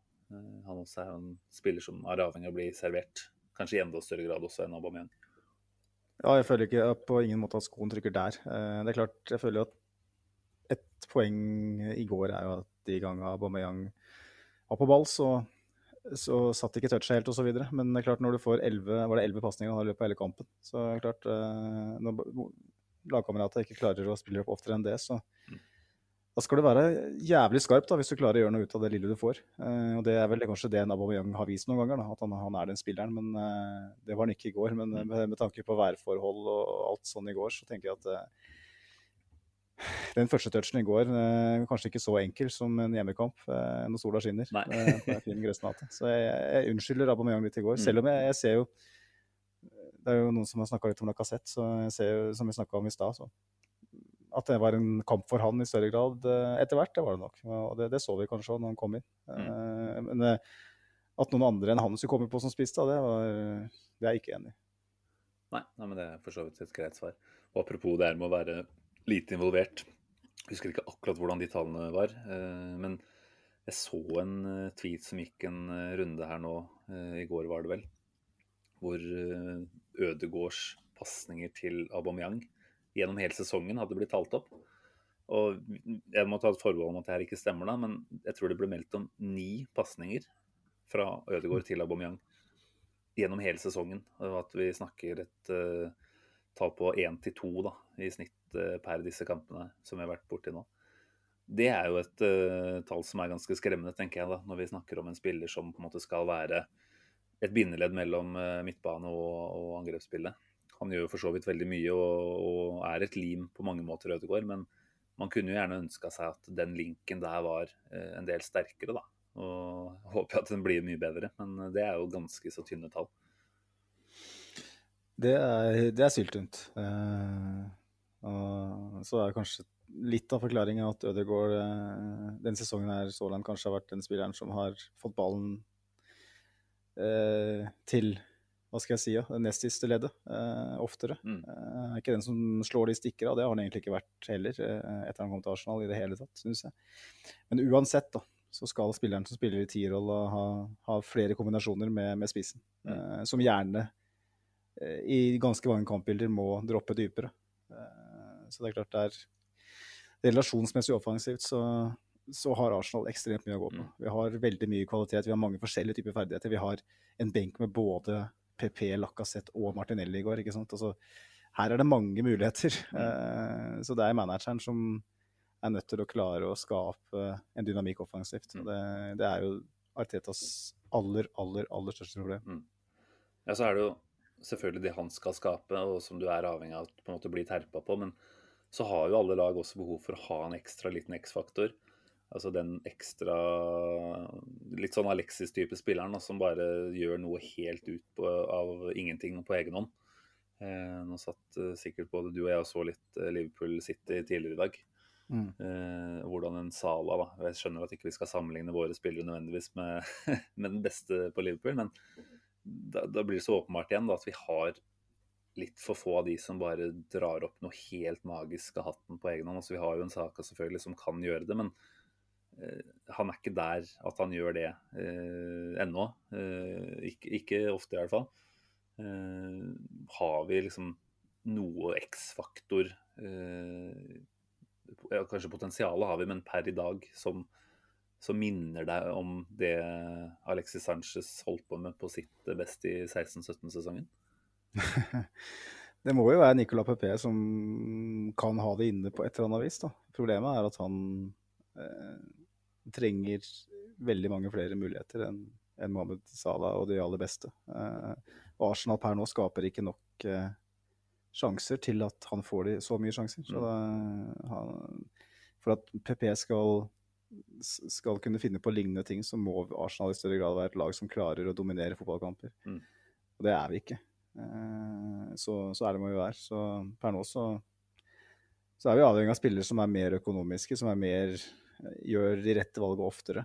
Eh, altså Det vi så av Saka og Smith-Roe mot, mot, Tottenham, det, det, er slike typer spillere vi eh, jeg tror vi må avhenge av. For vi kommer ikke til å være et lag som er veldig skapende. Liverpool er jo det klart mest skapende laget i Premier League. Eh, likevel så kan du jo si at Mohammed Salah i dag eh, finner på noe helt ut av ingenting i en kamp hvor Liverpool blir stort sett dominert av City. Mm. Men i de fleste kamper Liverpool spiller, nesten alle, så har jo Salah ganske mange muligheter hvor han, hvor han søler bort òg. For at han er litt ego. Han finner på Han er litt sånn som Alexis Sanchez var for oss, da. Av og til så blir han litt forbanna, ikke sant. For at han, han kaster bort muligheter. Han har lagkamerater som er bedre plassert, men Liverpool har klart flest avslutninger i Premier League hver match. Uh, jeg tipper jo at Nicolas Pepe, hvis han hadde spilt uh, i Liverpool da, og spilt fast, så ville han ha vært en spiller som hadde ganske mange målpoeng. Mm. Uh, han ville sannsynligvis ikke ha fått spilt, uh, med tanke på at Salah er der, men hadde han ikke vært her, så Men i Arsenal så Nei, det, det, er ikke, det, er ikke, det, er ikke, rom for en sånn spiller akkurat nå. Det er litt synd å si det. Men fra benken så bør vi i større grad klare å utnytte oss av at vi har, har en sånn spiller. Mm. Og det, ja, man... Han kom inn i går og jeg husker nesten ikke nå hvor man har uttrådt noe som helst, men eh, Nei, jeg sitter ikke igjen med at han gjorde det. Eh, og jeg savna egentlig at en Martinelli kunne fått komme på istedenfor, nesten. Altså ja, vi forventer jo på en måte å gå til PP. Og med såpass begrensa antall bytter, så, så kommer man kanskje ikke til Martinelli, dessverre. da. Men uh, det er jo en X-faktor-type jeg tenker at i større grad vil kunne gi noe fra benken de siste 15-20 enn det PP også vil, uh, egentlig. da. Så jeg savner han, selv om han også har vist uh, de mulighetene han har fått, at han er et stykke unna på mange områder. Så, så er det en vi kunne fått uh, litt ekstra futt av. Da. Og syns på en måte ikke PP nødvendigvis sier oss det ekstra giret i intensitet og, og kaosskaping da, som Martinelli har potensial til. Så spent på hvordan Nei. det er med spilletid på han framover. Det er jo såpass få kamper, dessverre, at det er ikke mange minutter å, å, fordele på disse spillerne her nå. Så får håpe at det er, eh, det er eh, rom for å, å, gi også han en mulighet eller to i løpet av neste, neste ukene nå. Ja. Uh... Jeg ser tida flyr fort, Magnus. Det var ett spørsmål til på Facebook som jeg syns vi skal ta med. Som er ganske hyggelig å kunne svare på, er det ikke det? Du kan få svare. Har vi kjøpt Englands beste keeper i Ramsdale? Det er Gunnar Jonsson som spør. Ja, jeg, jeg, tror ikke jeg er så langt unna det nå. Eh, jeg har jo, som alle andre, sett eh, Jordan Pickford eh, gjøre mye rart. spesielt for Everton. Da.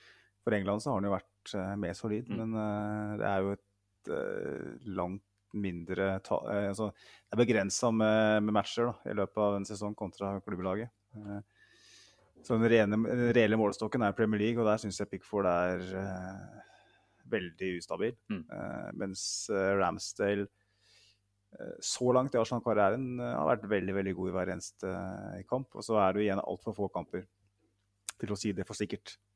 Jeg syns det er altfor tidlig å si at Ramsdale er Englands beste keeper nå, men jeg tror at Gunnar har et poeng her. Eh, ja. Det kan godt hende at Ramsdale er den beste keeperen England har. Og med den personligheten i tillegg, så tror ikke det skal så veldig mange måneder til med sånn type spill før han er uh, nummer én for England. Nei. Ja, Han var jo tilbake igjen på Lansen nå, som vi nevnte. Og jeg syns jo bare med den siste involveringa han hadde, var vel sånn i 85.-86. minutt, når han uh, det heddes uh, på bakre stolpe og Neil Mopé står helt klar alene inn i feltet til å tappe den inn. Og du får han flyvende ut i sånn Supermann-positur der og, og bokse unna. Uh, han hadde for så vidt et par andre steder hvor det var litt sleipt å holde ballen også, men, men akkurat den involveringa der syns jeg alene er nok til å argumentere for at han er den beste engelske keeperen. Ja. det var, ja, apropos... Tenk hvor ille det hadde vært da, hvis du får Mopé til å skåre 1-0-målet der rett før slutt. Det hadde vært eh, så vondt, det. Ja, du vet ikke feiring som hadde kommet inn. Så det, ja, nei, det var, det var eh, kanskje kampens øyeblikk for Arsenal eh, i går. Mm. Og, ja, nei, jeg er veldig, veldig spent på, på hva Ramsdale kan bli. Eh, han har iallfall gjort eh, alles ord til skamme så langt. Så får vi se om han klarer å opprettholde det eh, når han blir mer bombardert. For jeg syns jo synes vi er flinke til å Selv om vi har mange skudd imot i går, så syns vi er flinke til å unngå at sjansene som skapes mot oss, er veldig store. Mm. Eh, vi har noen stoppere som, som, rydder unna veldig mye. Så Ja, Brighton får vel en total XG på 1,12 på 21 skudd, som jo er veldig mange. Så det er klart man kan være mm. sikkert kritiske til at vi slipper til så mange skudd, men da er hver enkelt av de avslutningene ikke noe kjempestore muligheter, i hvert fall. Jeg kan ikke huske at det var sånn en helt åpenbar uh, stor sjanse. Det var vel nedpå en uh, eh, 0,1 på den største omtrent uh, i XG. Så det var, det var sånn sett ganske grei kontroll. Men det er jo ikke noe, noe tvil om at vi ut ifra et XG-perspektiv skulle ha tapt den kampen her. Da. Vi hadde vel 0,36 i vår favør. Så det er, det er, fortsatt litt jobbe framover, Magnus. Spent på hvordan han eh, benytter seg av de neste ukene nå. Nå har vi jo Hva er det? Det er ganske lenge. Vi spiller mandagskamp mot Palace. Det betyr at det er mye tid på treningsfeltet. Ja. Hvordan tror du han bruker det, og hvor, eh, hvor fornøyd vil du være med Eller hva er riktig antall poeng å forvente inn mot eh, Det er vel en landslagspause til, er det ikke det? I, eh, i november. Vi spiller vel både mot eh, Palace Villa, Leicester og Watford før neste landslagspause. Nå fikk vi jo ti av tolv mulig i denne bolken med kamper nå. Det er vel et ja, noe vi må kunne si at vi hadde tatt i forkant hvis vi hadde blitt uh, tilbudt det. Uh, hvor mange poeng er du fornøyd med nå de neste fire Premier League-matchene? Er ikke tre av de fire hjemme? Tre av fire er hjemme, ja. Borte mot Leicester. Og Det er en tøff kamp. Selv om Leicester har hatt en veldig skjev start på sesongen, så, så, vet vi det at et, Leicester, et, fullsatt King Power Stadium med en Jamie Vardy som løper i bakrom, det, det er tøft. Ja, Særlig de der klappegreiene som de holder på med. Det er det som er det verste med Leicester borte. Hører Spør Kasper, Kasper Wikestad hva han mener om det. uh, men uh, jeg tenker uh, det samme. Ti poeng. Ja. Uh, eventuelt Jeg vil si jeg er fornøyd med ni. Mm. Vinner vi de tre hjemmekampene og får på pokeren og Leicester, så er jeg fornøyd. Altså. Mm. Uh, litt som vi snakka om i, i stad, de bortekampene i år blir tøffere. nå møter vi selvfølgelig et, et Villa som er tøffe å, å møte. som har det taket på oss, mm. faktisk. Palace under Vieira, dem, Som jo blir gøy. De spiller bra. Si det. det. blir gøy, det. Håper jo det blir gøy. Eh, det blir iallfall gøy å se han tilbake på Ikke tilbake på Emirates, for så vidt, men tilbake i, i N5. Eh, men de spiller ganske bra, Palace, eh, under Vieira. Jeg syns det. De, de kampene jeg har sett, så er de absolutt med i alle. Mm. Spilte veldig bra mot Brighton nå på mandag. Et lag som vi slet mye mer mot enn dem gjorde. Uh, og i dag så så jeg ikke matchen mot Leicester, men uh, sånn jeg forsto det, så hadde Palace vært klart bedre enn Leicester. Mm. Kommer tilbake fra å ligge under 2-0 også, så det vitner jo om en god, en god, effekt han har på spillerne der, da. Men er det sånn at vi allerede nå kan begynne å bli litt tabloide og si at dette er et lite uh, Ja, hvis, hvis Vieira gjør det veldig bra nå mot Arsenal, er det et lite jobbintervju, nesten? Det, du, du, vet jo overs hvordan overskriften blir hvis du tar for den. Uh, hvis ikke jeg tar feil, så er det den første matchen nå. Uh, Mandagskamp er det ikke da, rett etter uh, en landslagspause. Så vi, vi kommer jo sent i, gang igjen, for så vidt. Uh, så er det vel fredagskamp etter det, selvfølgelig. Men vi skal ikke klage. Vi har jo ikke noe Europa Cup-spill denne sesongen her, så at vi må spille etter fem dager, det skal vi tåle. Mm. Men Watford får vi vel ny manager med Claudio Ranieri. En, eh, men Claudio Ranieri har vi godt tak på, eh, må jeg si. Eh, uavhengig av hvor han spiller, er manager. Eh, uten at det betyr noe all verden nå. Så tenker jeg ni poeng er bra. Eh, er du enig? Ja, altså jeg tror jeg tar ni poeng eh, uten å nøle, faktisk. En sånn type poengfangst eh, igjen vil jo gjøre at vi er oppe og virkelig med en topp seks-diskusjon inn mot eh, jul og sånt. Og det, det tenker jeg er der vi må håpe på å være. Eh, noe særlig mer. Eh, selv om vi selvfølgelig ser at det er svakhetstegn ved United. Jeg må jo si at mitt, eh, mitt eh, tips om hvordan de skulle prestere i år, det, der har jeg tilsynelatende bomma litt. For det, jeg har jo alltid vært kritisk til Solskjær, og nå har jeg det endelig tenkt at nei, selv ikke Solskjær klarer å ødelegge for den gjengen her, da. Det er så mye klassespillere, men det viser jo nok en at du trenger også en klassemanager for å prestere på topp i Premier League. Og det er jo ikke Solskjær. Eh, Så at eh, der er det faktisk en eh, tenker jeg, en mulighet for et eh, lag som går på en bra run, og utfordre de om en topp fire-plassering. Jeg tror vi skal bruke den der Solskjær-studien vår som en litt sånn litt sånn læring for oss som supportere. For vi, vi studerer jo det veldig tett på som, som nordmenn. Eh, hvordan Solskjær blir eh, hylla når ting går bra, og saga når ting går dårlig. Og så, jeg ser mange eh, i sosiale medier nå som snakker om at midtbanen til United er for dårlig med Fred og McTominay og Vågba og Matic og alt sånt. liksom. Så tenker jeg faen, se på laget ditt, da. Mm. Det er kjempelag. De snakker om Van Bissaka er for dårlig, og keeperen er for dårlig. og bare sånn hva, hva, hva tror du Antonio Conte hadde fått ut av det laget der? Ikke sant? Mm. Eh, snakker, da snakker vi et lag som kjemper om gull. Som hadde fått en Fred og en McTominay til å se mye bedre ut med en gang. Det er, altså, det er jo Jeg skal aldri si noe helt for sikkert, selvfølgelig, da, men det er så lett å liksom eh, når man, når man ønsker at ting skal gå fra manager og sånn, er det til dels for oss under realiteten. og det er litt, det som er litt poenget mitt. da. At noen ganger så skal jeg være forsiktig med å liksom snakke om at kvaliteten på stallen er for dårlig. At den og den spilleren er for dårlig. Eh, man må se på hva slags arbeidsforhold har den spilleren her. Eh, og eh, jeg føler det er interessant å følge med på, altså. Hvordan, eh, hvordan enkelte fortsatt skylder på spillerstallen til Manchester United for at de ikke kan være med og kjempe om gull. Ja, jeg tror vel det er ganske mange der ute som er enig i at Solskjær også kunne gjort en bedre jobb. da. Det har jeg inntrykk av.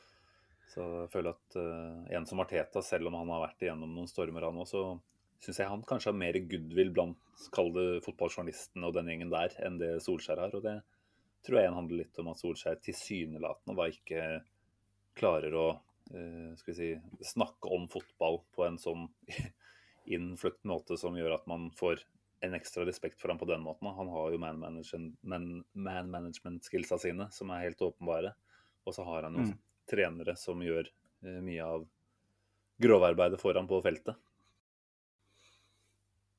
Før vi eh, går til uh, avslutningen og X-spilleren, så vil jeg ta med et spørsmål til som vi har fått uh, fra Mona Johansen.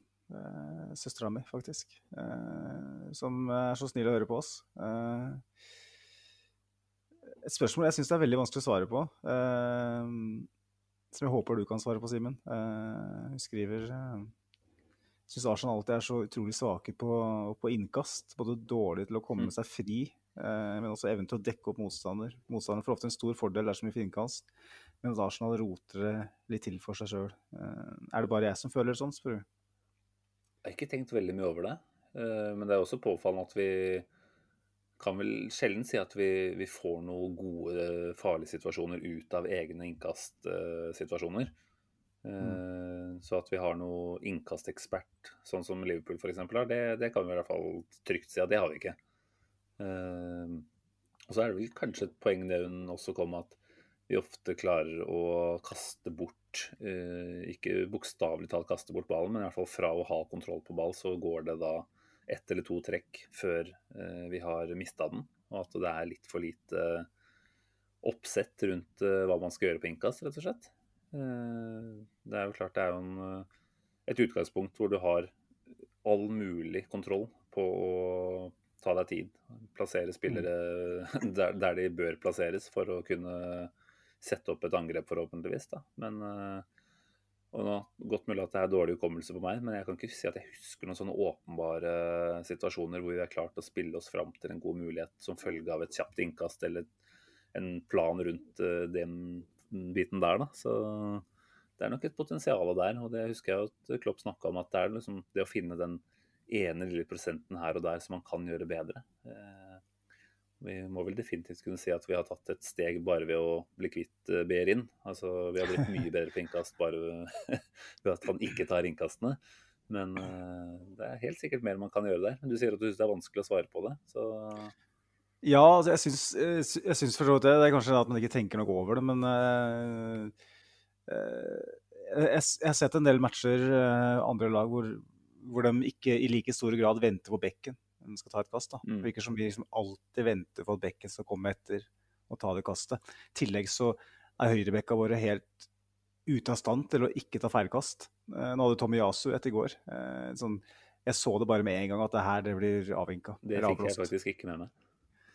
Nei, det, det, blir jo gjerne sånn uh, av og til når man er på, er på fest uh, og ser match på telefon, da. Men uh, jeg som satt der alene i nærmest koronaversjonen eh, av livet, eh, alene i kjellerstua her, så fikk jeg med meg alt. Og Tommy Yasu hadde jo et feilkast i går, og Bellerin hadde jo gjerne Han hadde vel flere enn alle andre til sammen ja, i fjor. Og Cedric har hatt et par, ikke sant. Og nå, nå starter Tommy Yasu jaggu meg på høyresida der òg, så det er jo merkelig da at vi ikke får til det der. Men uh, det er et poeng at vi kanskje bruker litt for lang tid eh, offensivt, så vi får et innkast. Det er liksom sånn når si PP eller Saka eh, er på, ved ballen, eh, og vi har et lag i, i, i ubalanse så foran oss, så, så venter man på, på høyrebekken. Eh, I altfor stor grad, i stedet for bare å kaste, kaste ballen. Eh, får litt tempo i det. Og det er jo litt sånn, ja. Litt sånn symptomatisk for Teta-fotballen. Mm. At alt skal fungere på litt sånn systematisk og litt sånn rob robotisk, som vi kaller det her. Mm. Mm. Ja, for jeg føler at er... Eh, mitt eh, argument om at vi kanskje ikke har noe plan, det er jo egentlig da noe motstridende med det du kom med her. At planen egentlig alltid er den samme. Å løfte opp bekken og starte derfra. Men, mm, jeg tror det er noe der. Ja. ja. men Da er det godt mulig at vi kan følge litt nøyere med på det også framover, og se om det er, er noen form for utvikling på det området. Ja, det kan være et, en, en brannfakkel som vi kan tenne et lys for oss òg. Satse på at vi kan følge litt ekstra med på det og se om det ligger noe der. For det er alltid, alltid kult med sånne type innspill som det der, mm. som får deg til å tenke litt. Og det er jo det som er fett med, det, med, med lytte, lytterinnspillene, som vi bare må be om enda flere av. For det, det, hjelper oss til å få andre perspektiver på ting. Til å tenke litt, som du sier. Det, det gjør vi ikke mye av. I hvert fall undertegnede tar det stort sett ganske bedagelig der. Så greit å bli, bli påvirket. Alt, Alt er Burnley. Hver gang det regner, så er det Burnley. Hver gang det er en høy spiller, så er det Burnley. Sånn er den podkasten her. Det blir kjedelig i lengden. Men uh, vi har noen folk som, uh, som kommer tilbake hit uh, uke etter uke, og det syns vi er veldig hyggelig. Og de kommer jo også tilbake litt fordi du har en X-spillerspalte stort sett rykende fersk i hver eneste episode. Og det, det er jo et høydepunkt, det. Og det er jo ikke uten grunn at vi har plassert den mot slutten. Det er jo sånn at man fortjener å få det beste til slutt eh, for de som er med hele veien. Så jeg lurer på om du egentlig bare skal få lov til å ta deg silkehansken og fyre av. Om det er eh, en du skal kaste litt under bussen i dag, eller om det er en, eh, en hyllest. Det, det, vet jo ikke jeg noe om ennå. Men jeg gleder meg til å, å, høre hvem du har skrevet om i dag. Det har ingenting med Burnley å gjøre, det kan jeg si. Og så er det òg viktig å, å påpeke, syns jeg, at det her er faktisk et et lytterinnspill. Det var en lytter som ønska seg, ønska seg en spilleren her. Kult. Hvorpå jeg svarte at uh, hvis, hvis, jeg finner en historie her, så skal jeg jaggu ta den. Og det, det, det, er igjen en sånn fin greie da, med å få folk til å engasjere seg og sette sitt preg på podkasten. En smilende og henrykt reservelagstrener, Neil Banfield, innkaller selve kronjuvelen, vidunderbarnet, inn til sitt kontor. Jeg har gode nyheter, proklamerer han med sitt sedvanlige lune smil. Du skal være med på førstelagstreningen i dag. Akademispissen, som allerede da var på alles lepper, kjente på en gnagende usikkerhet. Jeg burde jo ha vært hoppende glad jeg burde jo ha kjent på en enorm stolthet, erindret han noen år senere. Men dagens X-spiller var tynga av frykt. Frykt for å mislykkes. Frykt for å ikke bli akseptert av sine store idoler. Jeg var redd, jeg følte meg ikke klar. Jeg tenkte, hva hvis jeg mister ballen? Vil Dennis, Thierry eller Patrick skjelle meg ut? Unggutten var kun 17 år gammel da Arsen Wenger ga ham muligheten til å måle krefter mot Bergkamp og Henry på London Colony.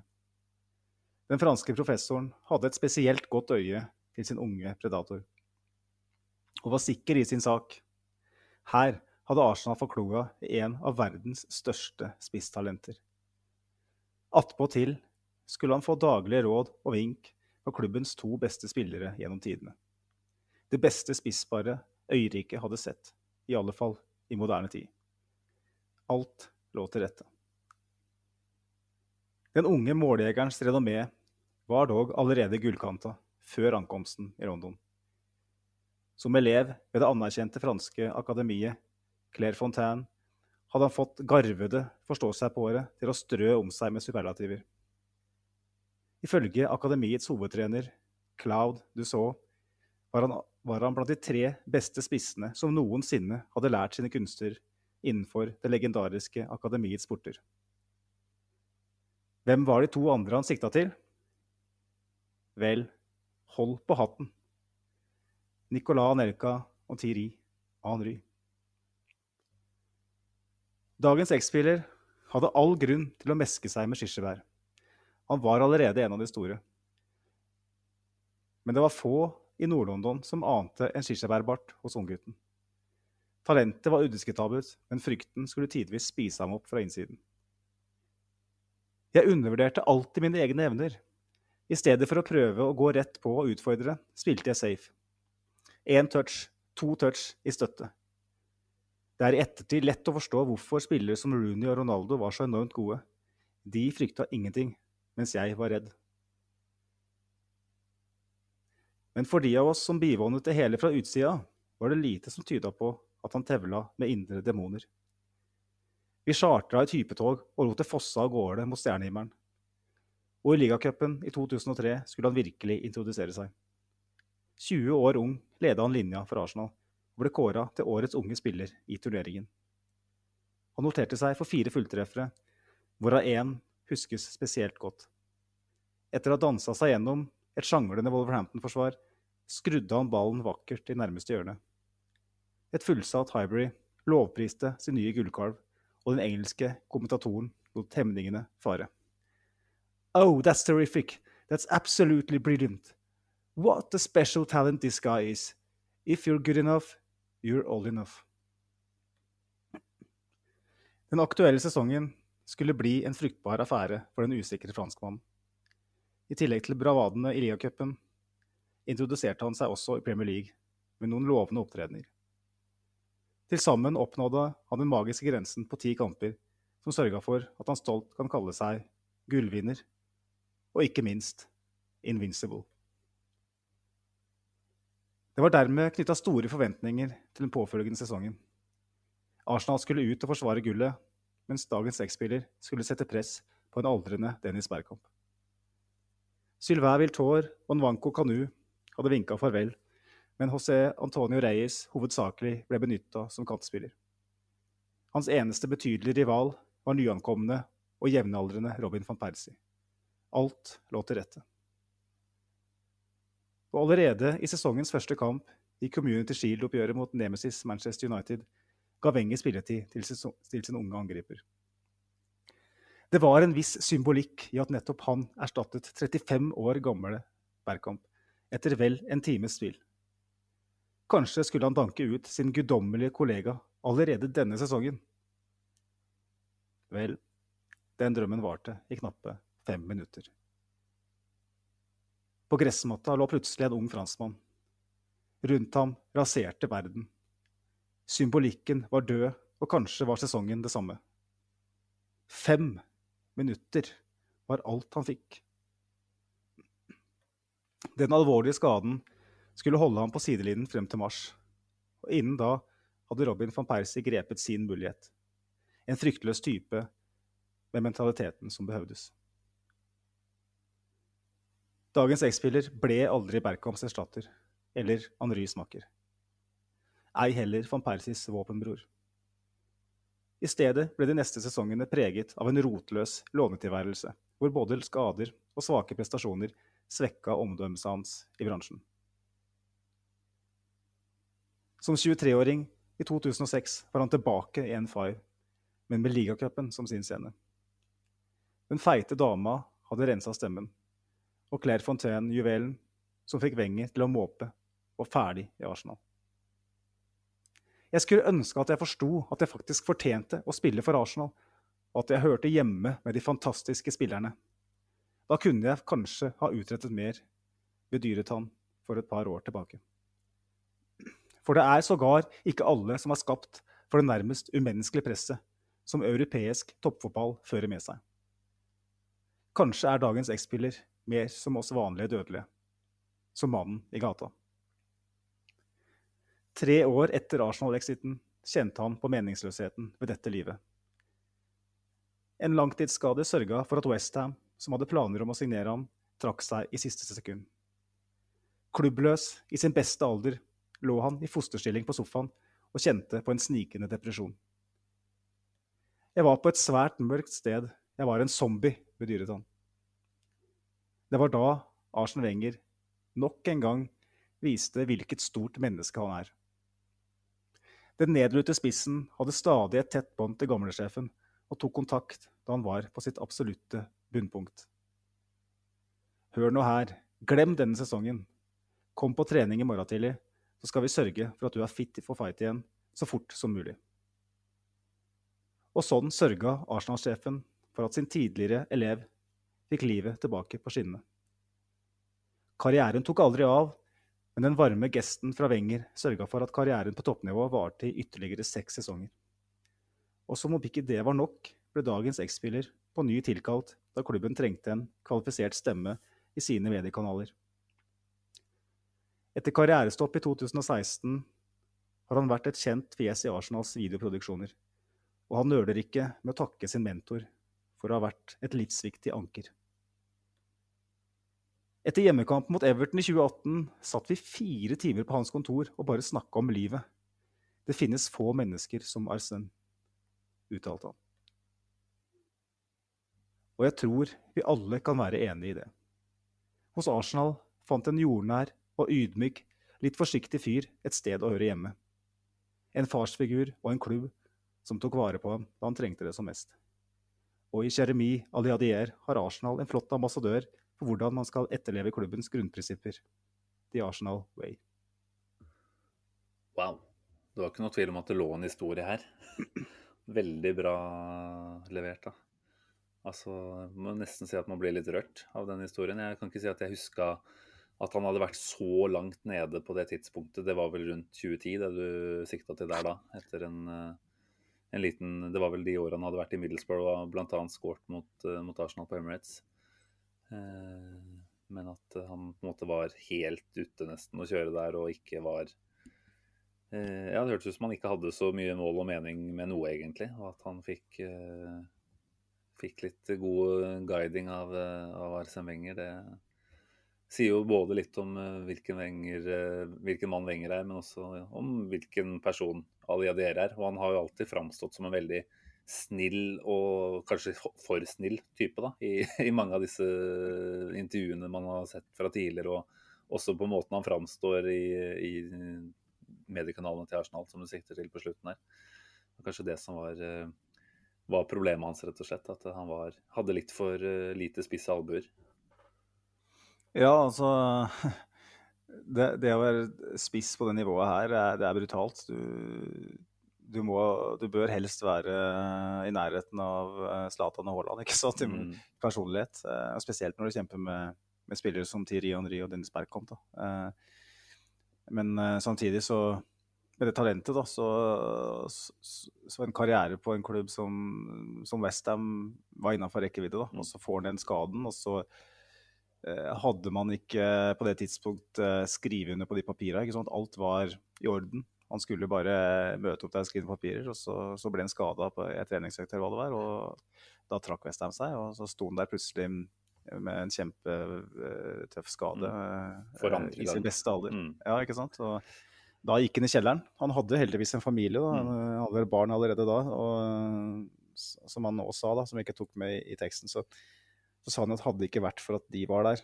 mm. så er det ikke sikkert at Wenger hadde røkket å snakke med en heller. Mm. Eh, det, var, det var så tungt. Mm. Eh, så det er jo det er noe å ta med seg. At det, her, det er ikke Vi som sitter og ser på, vi, vi forstår ikke helt hvor, hvor heftig det er, tror jeg. Og selv om vi prøver å forstå det. Så, Vi tro, Eh. liker å tro at vi forstår det, men det, det er nok ikke helt, helt riktig, nei. nei. Det er knallhard bransje, og for alle de som faktisk eh, kommer seg helt opp og fram, så er det jo så mange som har eh, hatt det samme målet uten å være i nærheten. Som eh, jo kjenner på knuste drømmer og, og bare sorg, rett og slett. Da. Man mister jo litt eh, perspektiv på hva som egentlig er viktig i livet når man har det som det ultimate målet, da, og fotball blir alt. Så er det godt at man har Mm. en Arse Wenger i, i livet sitt. Og for de som ikke har det, så får man jo prøve å finne andre gode personer å, å støtte seg opp på. Og det er jo det som eh, jeg sitter igjen med etter å ha gjort, eh, gjort den researchen her, da, selv om jeg kjente til noe av historien, så var heller ikke jeg klar over hvor, hvor langt nede han var, og hvor mye Wenger hadde gjort. Og det er det jeg håper klubben eh, fortsatt kan være, da. Mm.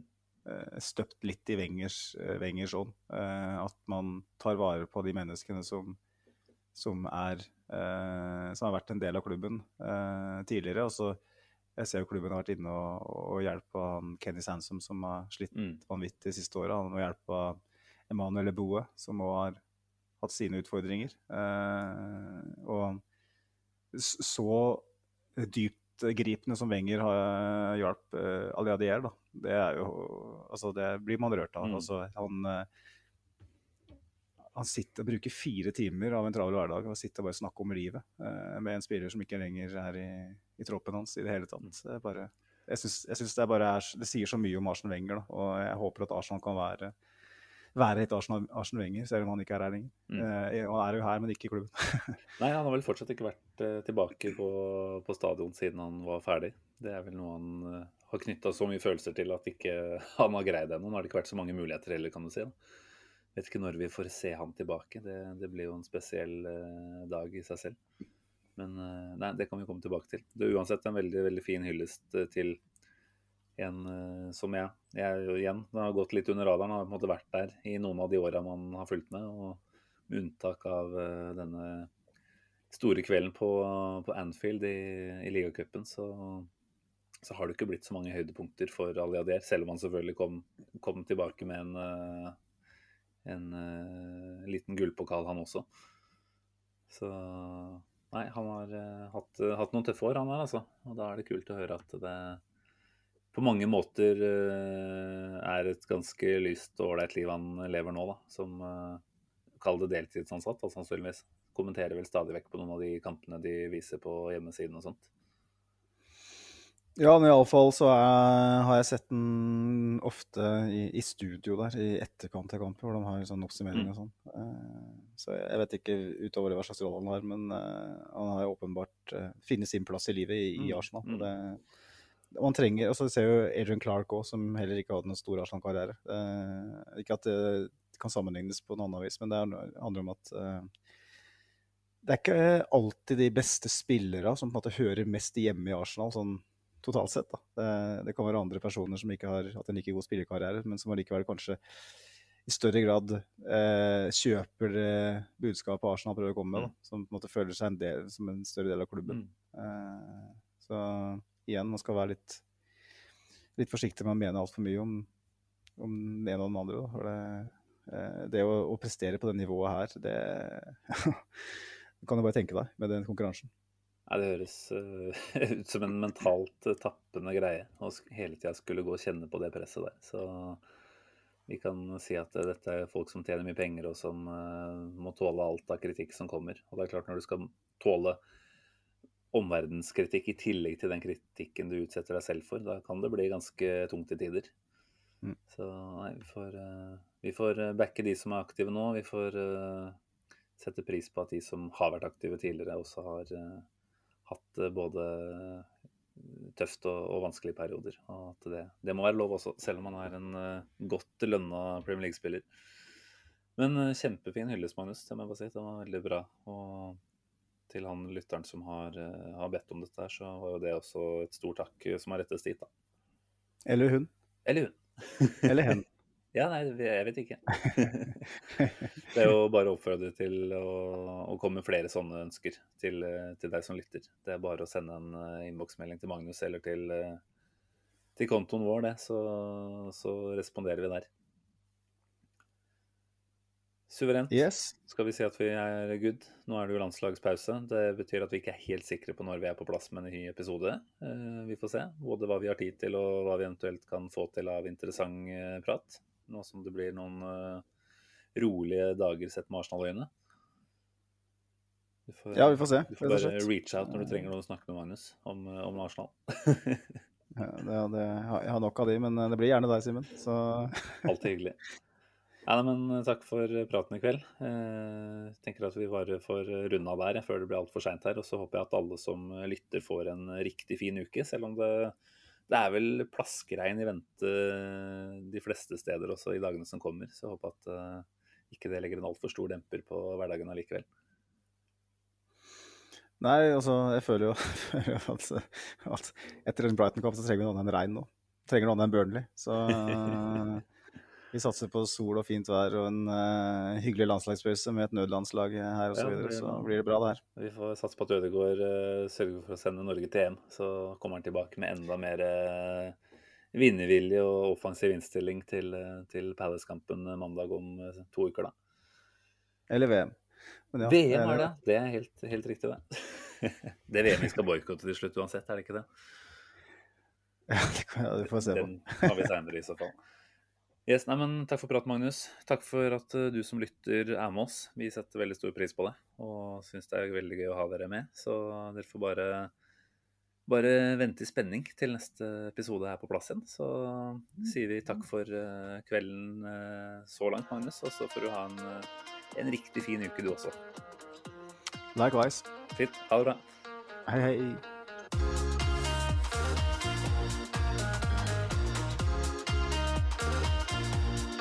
This train terminates here.